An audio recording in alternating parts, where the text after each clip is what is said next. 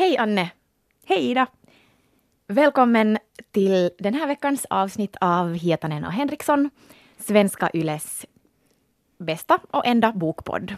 Så skönt att vara tillbaks här i studion. Förra gången vi träffades så var det allt annat än mysigt och privat, utan det var på en scen på Bokmässan. Fast nu var det ganska mysigt. Med Kjell Westö. Nå, vet du, jag hade nog sån sådär social ångestfobi. Den, nej, nu ska jag inte säga, för det fin, jag, jag, har inte en riktig diagnos att jag nu skulle ha social ångest, men jag, bara sådär vanligt, man vaknar och så känner man sig lite sådär skamsen över sig själv och skulle bara vilja gömma sig och vara under sitt täcke hela dagen. Och så ska man ställa sig upp på en scen. Och det är ju det minsta man vill göra just då. Men det märktes nog inte alls på dig. Mm, tack! jag hade jätteångest inför, men så tänkte jag okej, okay, det är med Ida, liksom, vi fixar det här, det går bra. Men jag hade inte inför, jag var inte det minsta nervös liksom, inför det där framträdandet. Men sen när vi satte oss där framme och skulle börja prata, jag vet inte vad som hände. Jag, jag blev helt i panik. Mina händer började darra så mycket att jag inte... Jag vågade inte dricka vatten för jag var rädd att jag skulle spilla det där glaset på mig. Jag vet inte vad det beror på. Inte kan det nu vara att jag var så nervös inför Kjell Westö. Varför skulle jag ha varit det? Liksom... Nej, men Och nu det... är man ju van att prata framför folk. Men jag tror att det är så, för eftersom du inte alls var nervös innan, så här brukar det vara åt mig, så då slår det sen mitt i allt så slår det alltid just det där första orden, alltså bara nej, jag sitter här på en scen och alla tittar på mig. Men om man har hunnit vara nervös innan, så då brukar det inte vara lika, sen far det bort genast när man är på scen. Sant. Så, men inte vet jag nu hur roligt, jag hade nog sådär lite mardrömmar i några veckor för Tycker du att jag har valt rätt bransch för mig själv? Varför sätter man sig själv alltid i pisse? Men nu är det ju ändå värt det sen. No, det, ja, det är värt efteråt, men före är det inte. Före mm. är alltid så bara nej, varför, varför, varför, varför? Men det där, hur tyckte du det gick med Kjell? No, jag tyckte det gick överraskande bra. Eller inte vet jag varför det är överraskande, men jag hade förberett mig på att tänk om han är helt, tänk om han inte vill liksom svara på någon, något av våra frågor. Han har tusen framträdanden där och han har säkert pratat jättemycket om den här boken redan. Och jag vet inte. Vi fick, ju, alltså, vi fick den sista intervjun med honom och han skulle just flyga iväg till Sverige. Jag kan just tänka mig att man nu inte är så extatiskt ivrig att prata med någon när man har en gett hundra intervjuer samma dag. Men, Men han är ju ett proffs. Alltså ett sjukligt proffs och nu märkte man ju att vissa frågor älskar han inte lika mycket som andra. Till exempel, han ville inte prata jättemycket om sex och det förstår jag. Mm. Men sen så tyckte han ju, jag tyckte om, jag blev förvånad och glad över hur mycket han tyckte om dina feministiska frågor. Att han var inte alls defensmekanism eller så här att vad menar du? Va, va, va? Vet du, jag tror att han hade kanske förberett sig på att han skulle få ganska mycket kritik eller skit liksom från feministiskt håll. Och sen måste han ha, eller inte vet jag. Han verkar, åt, åtminstone tidigare, jag har intervjuat honom också flera gånger, och att han tidigare var kanske mer sådär att ville skydda sig och gardera sig, att kanske han har fått mycket påhopp här och hugg härifrån och därifrån. Och nu tyckte jag att han kändes mer sådär öppen och avslappnad. Mm. Tänk, nu känns det konstigt att sitta och prata om honom bakom hans rygg. Inte det bakom hans rygg, han kan ju lyssna på det här också. Hej Kjell!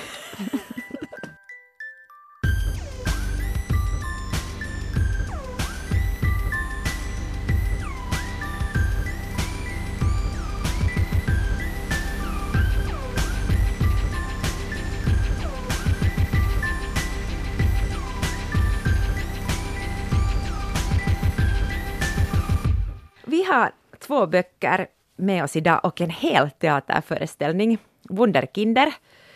Och sen har vi Margaret Atwoods Hjärtat stannar sist, den senaste som har översatts till svenska. Och så har vi It-boken. It-boken över alla It-böcker just nu. Irländskan Sally Rooneys Samtal med vänner. Och vem är Sally Rooney? Det kan man allt fråga sig. Vilken blaska jag än har öppnat, varför använder jag ordet blaska? Vilken blaska jag än har öppnat den här hösten så har jag sett Sally Rooneys namn. Och hon är nu överallt. Och varför är hon det? Var det en retorisk fråga? Nej, jag har ett svar. Nå, berätta. hon är Irlands svar på Johannes Ekholm. Hon är... Helt genialt! Ja, hon är sin generations röst. Det är sant. Vi har båda läst den här. Um, alltså jag måste också bli kär i henne. Du måste det. det. Alltså jag har redan blivit. Bra. Mm. Vad den här boken handlar om, så det vill man nästan inte berätta för att det låter så banalt och förfärligt. Det handlar om två unga tjejer, no, nej tjejer, kvinnor, de är 21 år, som haft ett förhållande tidigare och sen blir den här en av dem, Frances, kär i en äldre man. Suk, gäsp, hej då. Och så, mm. Ja, fast det är inte psykgäsp, hej då. De här Bobby och Frances, alltså de här, eller Frances är då hon vi följer med och Bobby är hennes ex-flickvän. Uh, nu är de bara vänner, eller bara bara. Eller är de bara vänner? Ja. Ah. De har en sån här konstig tvåsam, eller inte vet jag om den är konstig, men en tvåsam, de är jättetajta. De gör allt tillsammans. Och det är på något sätt det det handlar om hur, eftersom den här, sen när Frances blir kär i den här äldre mannen, så tycker jag att det ändå speglas hela tiden via hennes förhållande till Bobby. Ja, använder hon den här mannen ibland som, som ett skydd eller någonting som ska vara med, med, mellan henne och Bobby? Mm, precis.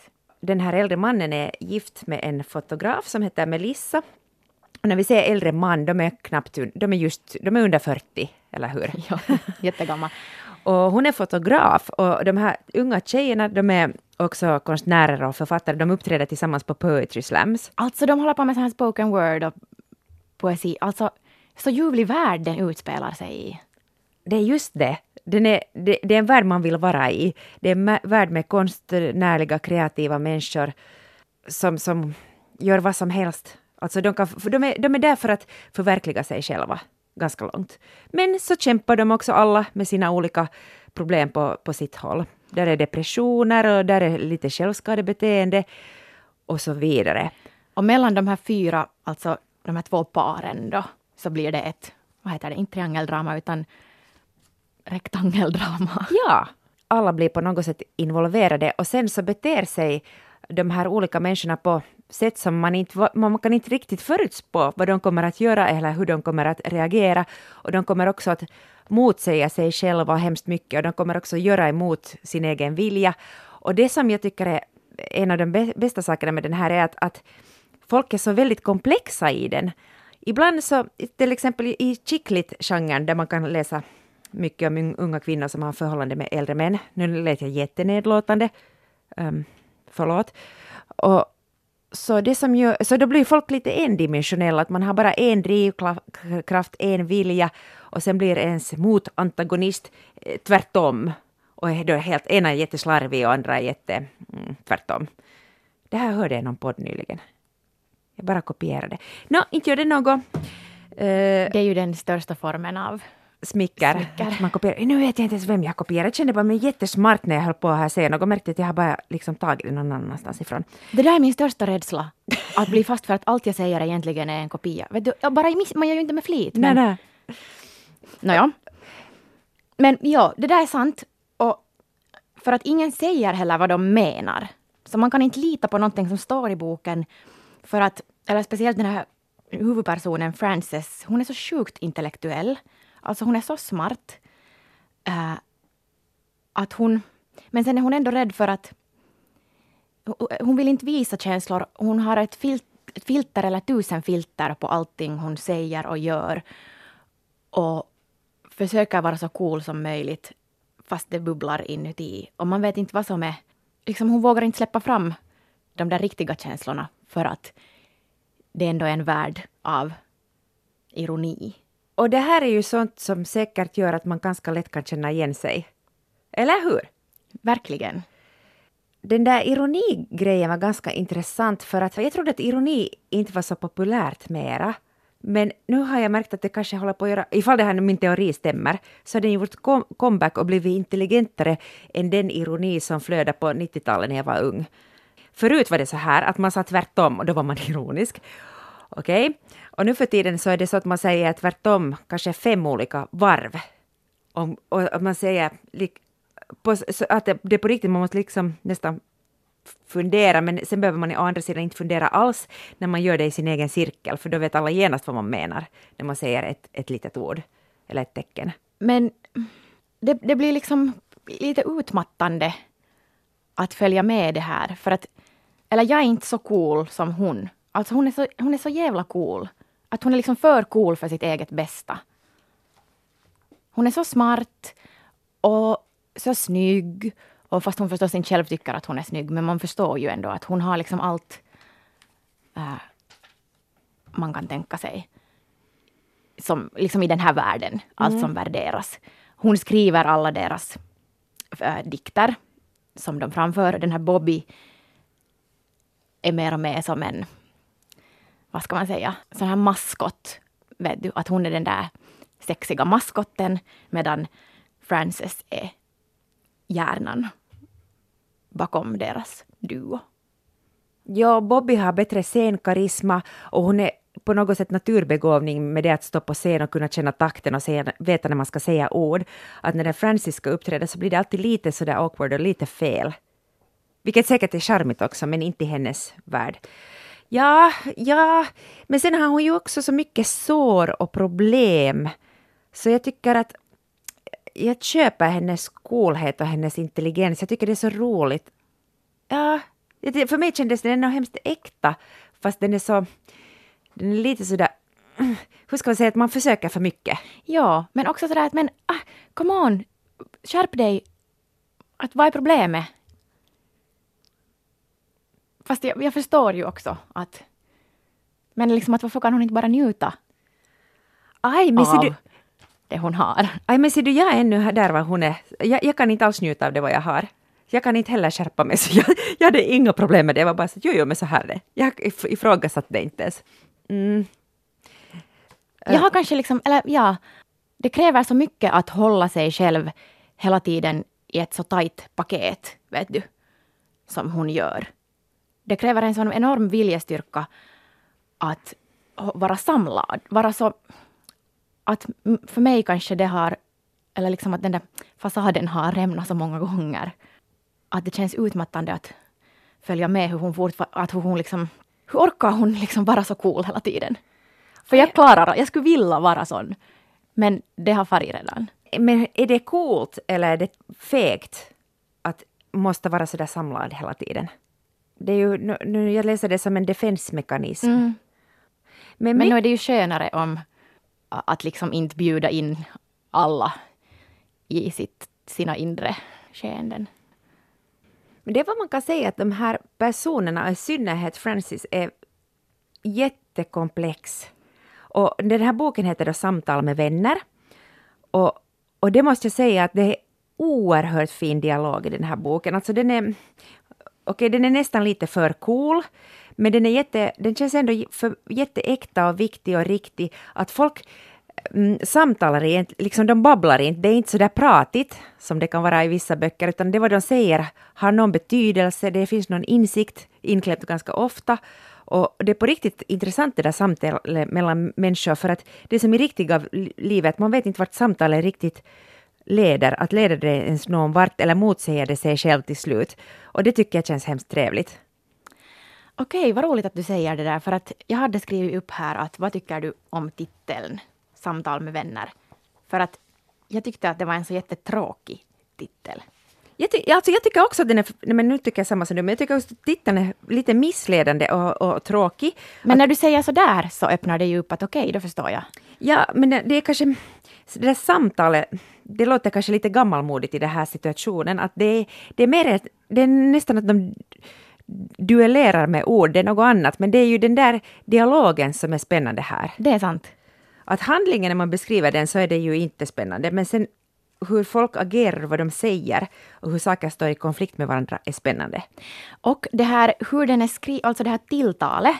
Så jag tänkte på dig hela tiden när jag läste. Det är på något sätt ett tilltal som... Eller det känns att du skulle ha kunnat skriva det här. Eller säga det här. Men det är för att jag gav den där, gav den där boken till dig. Eller rekommenderar den. Nå, kanske delvis det, men också att jag hör liksom din röst på något sätt. Nej, men vad Inte att du är någon av de här karaktärerna specifikt, men just det här tilltalet. Det är sådär roligt, mm, med lite sån här, ja, något med den där humorn kanske. Det är sant att det här finns också nog humor.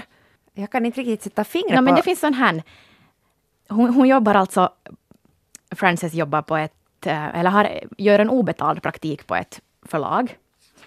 Och då säger hon så här, vår uppgift var att läsa manuskript som kom in och skriva ensides utlåtanden om deras litterära värde. Värdet var nästan alltid noll. Bla, bla, bla, bla, bla. Liksom sånt hänt. Ja. Det att man är liksom så medveten och, och um, intellektuell och hela tiden är på det där planet, i sitt, både i sitt eget huvud och i sina samtal, blir ju också extremt hämmande. Mm. Jag läste en intervju med Sally Rooney, där hon hade själv öppnat hur hon hade tänkt i det här förhållandet mellan Frances och Nick, den här som hon då har en affär med, att um, de, de har båda så bra kännedom om feministisk teori att de hela tiden är rädda för att kränka varandra. Att det där samtalet liksom, eller jag tycker att det, jag fick en sån här bild att det där samtalet hela tiden liksom kretsar runt någonting. Det blir en sån här intressant dans runt någonting men ingen liksom... Att man är så försiktig hela tiden. Ah, jo, nu minns jag hela det spektaklet. Det gjorde mig väldigt frustrerad ibland, men det påminner hemskt mycket om riktiga livet. Där man, inte, inte säger, man säger ju inte alltid saker rakt ut, speciellt inte om det är någon som är viktig för en, så då går man runt och testar på isen och lite kollar och man vill inte vara för mycket eller ge för lite och söker den här balansen. Och deras spel mellan varandra, att vem har makten, är genomgående här. Och det är lite påfrestande också att följa med. Plus att vi bara har Frances perspektiv. Vi vet ju inte egentligen vad han tänker på riktigt. För, för det vad han säger behöver inte vara det vad han tänker liksom tänker på riktigt. Aj, vet du, det här tänkte jag faktiskt i morse i badkaret, fråga dig om. Att jag är uppvuxen med berättare som är oftast pålitliga. Man måste kunna lita på berättaren.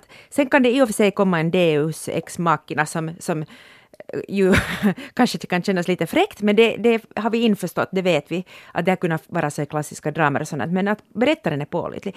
Är det inte så att den här opålitliga berättaren är någonting som din generation kanske har lättare att ta till sig, för den har kommit med er på något sätt? Min generation? Inte det är nu så stor skillnad mellan oss. Mm.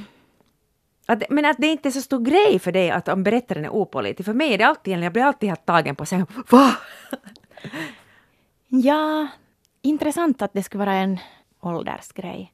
Jag bara märkt att du brukar inte bli lika chockad som jag. Jag är kanske bara cool på ytan, men I... visar inte vad jag verkligen känner. Innerst inne är du helt förstörd. Att va? Det var inte hela sanningen. Ja. Men det här är en mycket välarbetad bok. Alltså den är... Jag är nog imponerad av den här Sally Rooney verkligen. Ja, men den är inte så där pretentiöst, eller no, den har sina pretentiösa sidor men den är inte liksom den är, inte, den är välarbetad på ett bra sätt. Kan vi att det är inte sådär att hon vill visa att hon kan. Ja, jag glömmer att vem den där författaren här bakom är för att jag är så inne i den här berättelsen. Ändå. Samma här, men nu försöker jag komma på att vad kan vi tänka på som är för pretentiöst, var det där pretensionerna nästan går över innehållet. För... No, till exempel den här som vi läste för några veckor sedan, den där våldets historia. Ja. Som ingen annan behöver läsa. Jo, hui! Du har så rätt! Okej, där ser man skillnaden. Men mm, då, då om vi nu tar ännu den våldets historia, så han var ju... Han, hans intellektualitet var på något sätt som ett nyförvärv. Han var som en nyrik i, i kunskapens värld. Och det känns som att den här Sally Rooney, fast hon är i samma ålder, kanske några år äldre, att hon har haft den där den sitter djupare förankrat, det vad hon kan och det vad hon vet. Ja, och det är så skönt att det är en självklarhet att, att nästan ingen av de här är till exempel helt straight. Men det är ingen grej, utan det är självklart. Och att det här klassperspektivet, oj kan vi tala lite om klass. Det är också en så självklarhet att man är extremt medveten om sin klasstillhörighet och um, på något sätt pra, pratar mycket om, om sådana saker. Ja, det blir inte påklistrat utan det är en realitet. Och det tycker jag är, sånt är så skönt alltid att, att läsa. Att någon verkligen skriver om den det, så, som, så som det ju liksom borde vara. Jo, jo, det är inte så att de går och låtsas att de alla är samma klass. Precis mm. som du sa. Till exempel just det här att hon, ja, hon um, gör en obetald praktik. Emellanåt har hon inte ens pengar till mat och på riktigt håller på att svälta. Men hon är ju inte ändå på rikt eller liksom på det sättet fattig för att hon har ändå föräldrar som hon skulle kunna be Ja, om hjälp. fast det är också komplicerat. Det är också, ja. Mm. Alltså det känns hemskt som riktigt, riktigt liv. Och, och sen är det här absolut inte någon kvinnobok, men det är nog en sån här coming of age story med en kvinnlig huvudroll, men det känns för gammaldags att säga det. Vet du vad? Att nu inför mm, farsdagen så, så läste jag just på, på Twitter om folk som tipsar om... Eller liksom att oftast så tipsas det ju att köp den här och den här boken åt pappa på farsdagen och det är alltid något manliga böcker skrivna av Ray män för män. Ja, Så, så kanske man skulle kunna tipsa om Sally Rooney. Köp den till er pappa. Så bra! Och vet du vad? Nu när det slår mig, när jag ger böcker åt min egen pappa, så är det nog alltid andra karlar och det är alltid det är vad jag tror att han vill ha. Tänk om jag skulle faktiskt nu ge Sally Rooney åt honom. Vi skulle åtminstone kunna ha ganska intressanta samtal efteråt. Vi har sett Wunderkinder på Virus och vi har varit i deras nya lokaler på, vad heter det? Busholmen. Busholmen i det här svensk... Eh, eh, Svenska gettot. ja, jag tänkte säga något fult. Victoria-kvarteret. Och, och det här nya stället, vis, den här show, showen, den här pjäsen visades där i aulan. Det, vi var inte inne i den här riktiga salen utan i aulan och det betydde att gatan utanför var med, med i pjäsen på sätt och vis. Så det är sådana här stora fönster som man ser allt som man ser ut och man ser in. Ja. Får, får jag berätta handlingen, för jag kan inte berätta något annat. Jag vet inte, jag vet inte vad jag tycker om den här pjäsen. Handlingen är alltså det att vi befinner oss på ett kontor där man försöker hitta på bra innehåll till bra människor. Och man, eh, det är kreativt det här jobbet.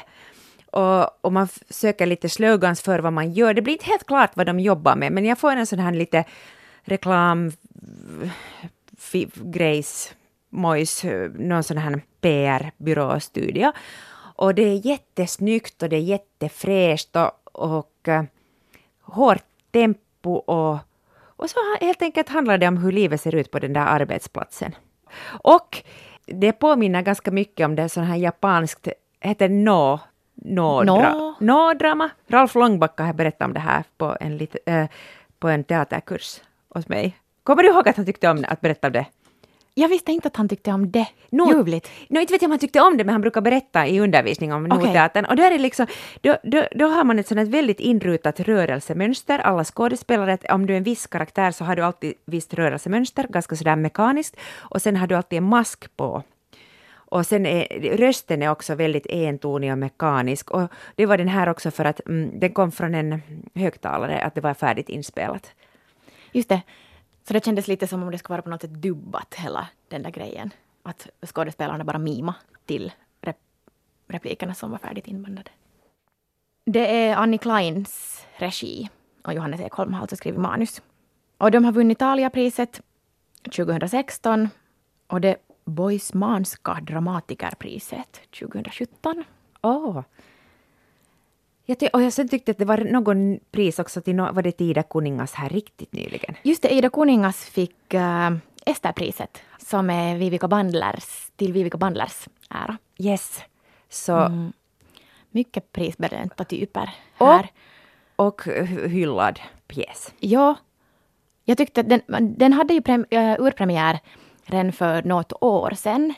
Och då var den extremt hypad. Och jag förstår den där hypen. Eh, jag var nog också helt tagen. Men jag är lite ledsen att vi såg den först nu. Vet du, att det känns att den, är, den var så extremt i tiden att den hade redan blivit mini lite gammal. Inte nu gammal, nu, nu är den ju jätterelevant hela tiden. Men, men att man borde kanske ha sett den före vi läste Kärlek liksom. Ja, exakt så är det. Om jag skulle inte ha läst Kärlek liksom så skulle jag ha varit helt tagen på sängen. Att, att, hur kan han vara så här skarp observatör? Att just så är det, just så är det, skulle jag skrika där hela tiden. Men jag tyckte att, att många av de här bästa bitarna fanns i Rakkautta Ninku. Heter den så? Rakkaus Ninku. Tack, Rakkaus Ninku. Som obs, man ska läsa nog på finska om man bara har möjlighet för att, ja, jag hade svårt med den svenska. Inte, inte för att något annat, översättningen säkert hur bra som helst, men att det kändes ändå som att det var en, det var en finsk bok. Det Det, var sant, finska ja. Helsingfors. Så mm, man distanserar sig lite från berättelsen. Um, pjäsen var väldigt, väldigt kort. Och, och sen... Det är skönt. Jag tycker det görs nu för tiden ganska mycket korta pjäser. Jag tycker det är extremt skönt. Jo, för att gränsen, många har, inte alla men många av oss har, så det är, ändå, det är lättare att ligga hemma och se på TV än att ta det där, klä på sig finkläderna och ta sig till teatern. Och sen om man ännu vet att okej, okay, att det här kommer att ta många, många timmar, tre, fyra, fem, sex, sju timmar, så blir det, det ännu högre tröskel till att gå på teater. Men nu visste att det här är jättekort och då vågar man. Eh, sen så led jag fruktansvärt av det att det fanns en, uh, en screen på ett ställe som visade ett bakrum var man räknar tiden. Och när jag ser klockan och tiden så då är jag alltid på jobb. Så jag började mitt i allt vara på jobb när jag var där och blev väldigt sådär medveten om tiden och hur lång tid allt tar. Och det, den där klockan var extremt plågsam för mig. Jag märkte inte ens den där klockan. ja. Mm. Men um, vad var det som du kände igen dig? Vad var den här igenkänningsfaktorn? Jag tror att jag vill känna igen mig. Jag tror att jag vill tro att jag le har levt ett coolare liv än vad jag har levt. Och jag är hemskt tacksam över att jag åtminstone har fått... Äh, jag är tacksam och glad över att jag kunde känna igen mig. Det känns hemskt sådär lyxigt. Och jag känner igen mig i det där att man försöker hitta på äh, slogans, man försöker på något sätt, på ett smart sätt sammanfatta äh, situationen och sen känner jag igen mig i den bästa repliken någonsin som jag säkert kommer att felcitera. Och det var det när ena, ena säger att jag är så trött på att få göra allt vad jag vill. Eller hur? Men det defini definierar ju hela den här tiden och de, det här mm, människor som jobbar i den kreativa branschen. Det är ju exakt det. Och alla är utbrända hela tiden. För att jag är så trött på att göra det jag älskar. Men tänk hur underbart lyxigt fint, alltså det att, att få vara med om något sånt. Att man blir trött på att man får, ja. No, men det är också hemskt, alltså, men det är något som är så sjukt och galet i det där. Det är så sjukt att jag går omkring och drömmer om att ah, kanske jag bara borde väva några mattor, vet du, göra något mekaniskt. Ja. Och inte men, men vi drömmer ju om att väva mattor. Jag, jag drömmer om, alltid om att sälja blåbär. Men sen, sen i realiteten, hur länge skulle vi klara det här på riktigt? Alltså, vet du, jag skulle stå ut två veckor och sen skulle den där klagosången vara enormt hög. Att här är nu bara som en maskin och... Mm. Jag läste en fantastisk essä av Lotta Gren på svenskayle.fi. Där hon skrev helt att hon hade, hur, hur det var för henne att hon hade fått ett jobb som hon inte gillade alls. Och, och, och, och där hon diskuterar med sig själv att hur mycket måste man lida? Att hur mycket, att hon förstår ju att, att man jobbar för att man måste jobba, att det är hemskt få förunnat att, att få jobba och göra det vad man vill. Men sen så, att hur mycket obehag ska man stå ut med? Det var väldigt disk eh, intressant diskussion också där i kommentarsfältet under, för att inte finns det ju riktigt några klara svar.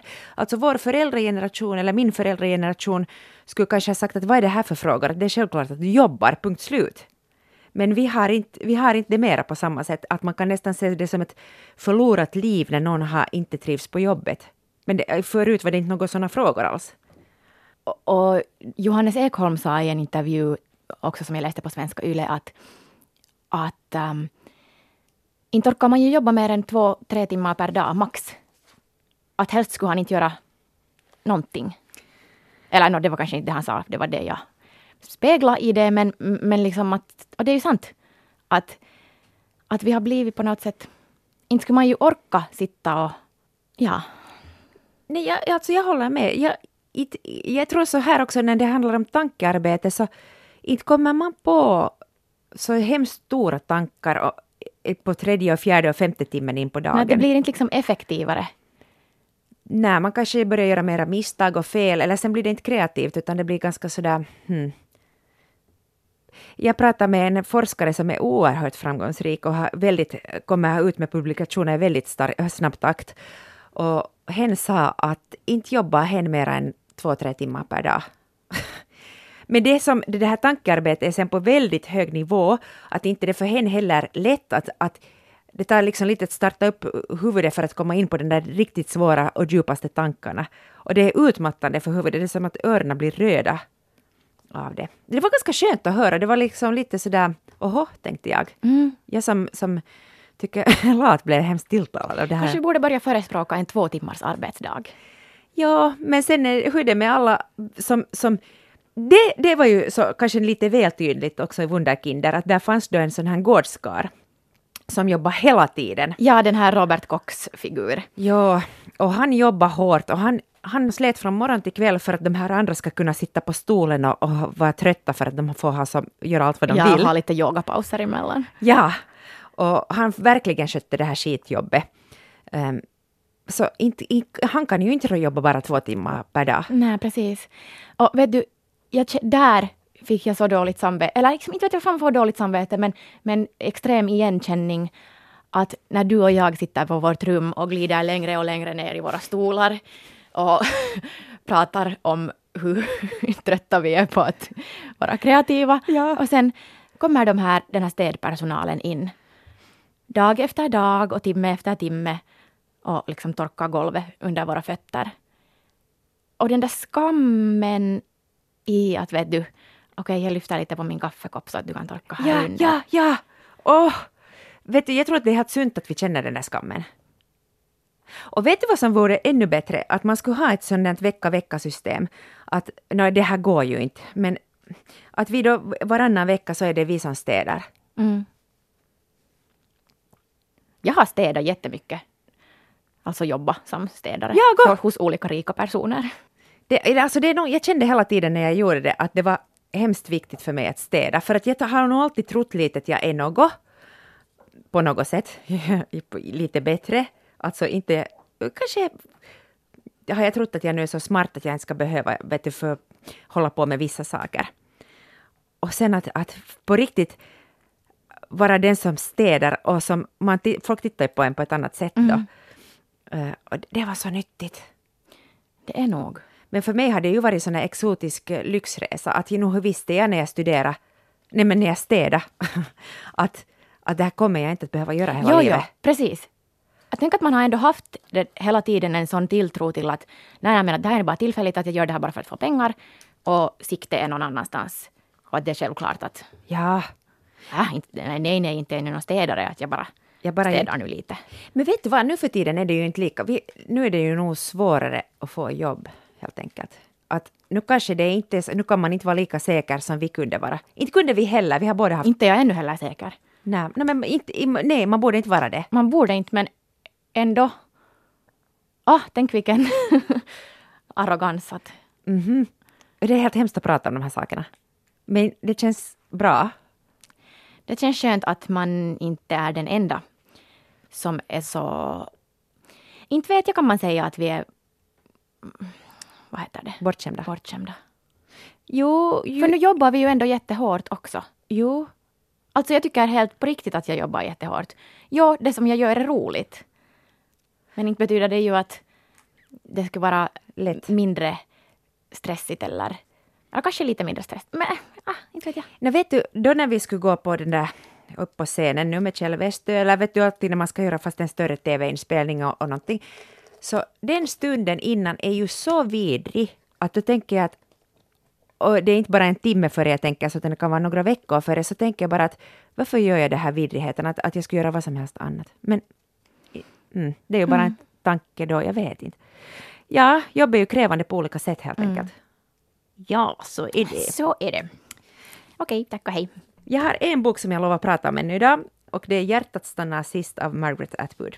Och den här boken är så ful att jag nästan får såna aggressionsutbrott när jag tittar på den. Det är en sån här orange fängelseskjorta som är hela första sidan och så står det positron på den här fängelseskjortan. Och det är så fult. Det är, är nog sällsynt fult. Det var ljuvligt när du sa att den nästan förstörde din semester. Ja. För att den är så oestetisk. Jag hade med den till Frankrike, till ett härligt ställe. Och sen måste jag gå runt med den här som var så ful. Och eh, i den här boken så har vi Charmaine och Stan, två människor som har fått det lite svårt. De bor i, i en framtid som jag föreställer mig är USA. Och man kan tänka att det är lite som finanskrisen 2008, bara upphöjt till tusen. Att allt har blivit så illa som det bara kan vara och folk har blivit vräkta från sina hus för att de har inte haft råd att betala sina lån. och um, folk blir arbetslösa, det finns inte riktigt några viktiga jobb, riktiga jobb mera och allt har blivit väldigt farligt. Det är superfarligt att röra sig utomhus för att folk kommer att råna dig, folk mördar och de här morden är så vanliga att man inte ens utreda dem mera. Och, och det, det, är helt enkelt jättesvårt att få till och med tag på mat. Och det mycket måste bara vara så här illegal handel och sånt för att man ska överleva. Och Stan och Charmaine har då på det sättet tur att de faktiskt har en bil som de bor i. Men det är påfrestande för förhållande och, och de är skitiga och de är äckliga. Och så en dag så får de ett erbjudande om att delta i ett experiment. Det finns ett samhälle som heter Consilience och, och dit kan man flytta. Och det här erbjudandet flytta dit låter lite för bra för att vara sant, för att det vad du får är att du får ett fräscht, snyggt hem att bo i med din partner, du får ett jobb, du får eh, vet du, lite tidtabell på hur du, vad du ska göra på dagen och allt är liksom jättesådär rent och kontrollerat och du, snyggt. Allt det vad de drömmer om i sin skitiga, äckliga bil där det bara är mayhem och vet du, eh, kaos. Och ja, det finns ett men då och det är det att varannan månad så måste du bo i ett fängelse. För att då ska då, då, då, då sägs det som så att det ryms ännu flera människor i det här samhället ifall ha, deras hus är ledigt för en annan familj under ja, det man... man turvisas om att vara i fängelse, vara i fängelse och vara i den här paradiset. Ja. Och, och det är ganska kiva där i paradiset, men sen är det och fängelse är också helt okej. Okay. Inte lika trevligt, men det är helt okej okay för att det finns mycket bra regler där och du får mat. Så i jämförelse med det här bilspektaklet så är det helt fine. Men sen är det lite så där obehagligt ändå att det finns mycket kontroll, att de förstår inte riktigt varför de inte får ha kontakt med samhället utanför. De måste på något sätt tillåta sig att bli bevakade hela tiden.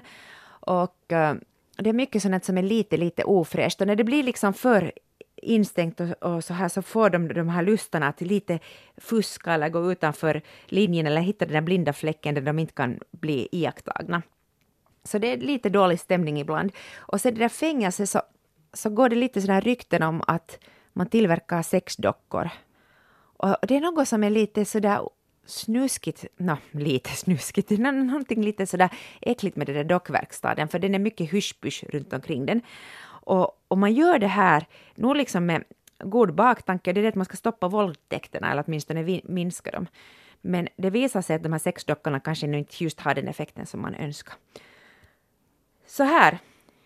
Det låter ju extremt i tiden.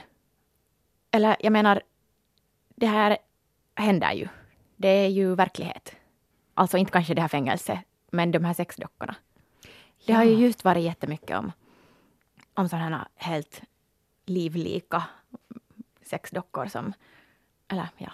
Ja, alltså det var någon nyhet i någon tidning här på sensommaren där, var det i Österrike, så de hade förevisat en sexdocka. Och så hade publiken blivit så uppeggad att de hade söndrat henne. Ja, misshandlat den där dockan helt. Alltså, vad va, va är det för människor? Alltså va? Och det här alltså, det, det, alltså, det, det talar vi om verkligheten. Men det här är nog en, en stark kritik förstås av, av det där, vad ska vi säga, sexhandel. Mm. För att där är också den där gränsen med, med det där att, att vara en, vem, är, vem är docka och vem är en riktig människa. De där dockorna ska göras så människolika som möjligt. Och, och vet man nu sen att är det en, en docka eller en människa. Men tyvärr hade jag ju då tidigare, just, eller inte just innan, men ganska tid, så här samma tid, uh, tittat på Handmaid's Tale och läst hennes roman tidigare. Och tyvärr så blir det ju så att jag börjar jämföra. Och, och tematiken påminner också till viss mån. Och då blir det ju så att det här känns som att det här Handmaid's Tale, skrivet på fritiden med, med vänster hand och med lite sån där iron, ironi, att den här är liksom lite rolig, lite ironisk. Här är inte samma mörker som i Handmaid's Tale. Här är nog någon sån obehag, men det är inte det där mörkret. För att för mig var det här problemet det ändå blev så att storyn var lite ologisk och lite... Jag, jag trodde inte helt på den.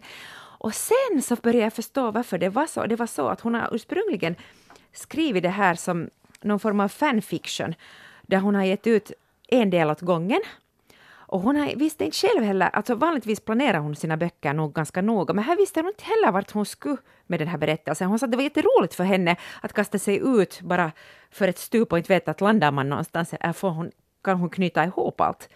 Och jag tror att om man skulle ha läst det här som på vet du, en berättelse i taget så skulle man vara helt till sig att oj, för att den är, hon är ju nog jätteinnovativ och påhittig och hon är ju själv otroligt insatt i olika teknikfrågor och här finns säkert massor med saker som inte jag kan eftersom jag inte känner till naturvetenskaper så jättebra. Till exempel när jag försökte lite forska i vad de här olika, varför heter fängelse på citron? Uh, där fanns olika sådana blinkningar hitåt och ditåt som jag inte mer kommer ihåg. Och det här Consilience, uh, det finns någon vetenskapsbok av någon känd man som heter Consilience som har kommit ut för några år sedan. Uh, så det finns säkert mycket sådana här små smartheter som så här teknikmänniskor ah, känner till. Spännande. Ja. Men okej, okay, så alltså om man har läst eller sett Handmaid's Tale så kanske man blir lite besviken. Jo, jo, jo, jo, jo. Eller så måste man bara tänka att det här är en annan författare eller att här är nu Atwood på semester. Och, det finns... Men det kan ju vara skönt med lite, jag tänker att den var ändå så mörk att, att det här är liksom lite lättare. Mycket lättare. Ja, jo, jo, Handmaid's Tale var ju heavy shit alltså, usch. Det var så tungt. Det var så bra, men det var så tungt. Så det här kan man mm, underhålla sig med. Men det är vad vi ska göra nu. Vi ska avsluta och så ska vi börja läsa Majgull Axelsson.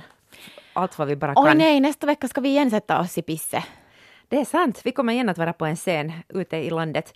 Eh, Ekenäs. Bokkalaset Ekenäs. Och det... där sitter vi med Majgull Axelsson. Ja, alltså det här kommer ju ut först på torsdag, så nu när vi pratar så har vi det här redan fram, alltså framför oss, men när ni lyssnar så vet man ju inte. Men nästa avsnitt är alltså en livepodd. Och, och vill ni vara med så kommer vi att koncentrera oss på hennes senaste, bland annat. Du har också läst nu Aprilhäxan vet jag, men Ditt liv och mitt heter nu det nyaste. Just det, men alltså ni kan ju, herregud, ni kan ju komma och lyssna, det är på lördagen alltså i Ekenäs. Aj, så jag tänkte att vi skulle inte ha så mycket publik. det känns tryggare. Nej, kom och lyssna. Alltså ingenting, alltså det var så roligt på Bokmässan att få träffa några lyssnare. Det, det var helt det bästa. Så Nåja, om ni kommer så det skulle vara helt toppen. Kanske vi ses där, kanske inte. Annars hörs vi om en vecka. Yes. Hej då. Hej hej.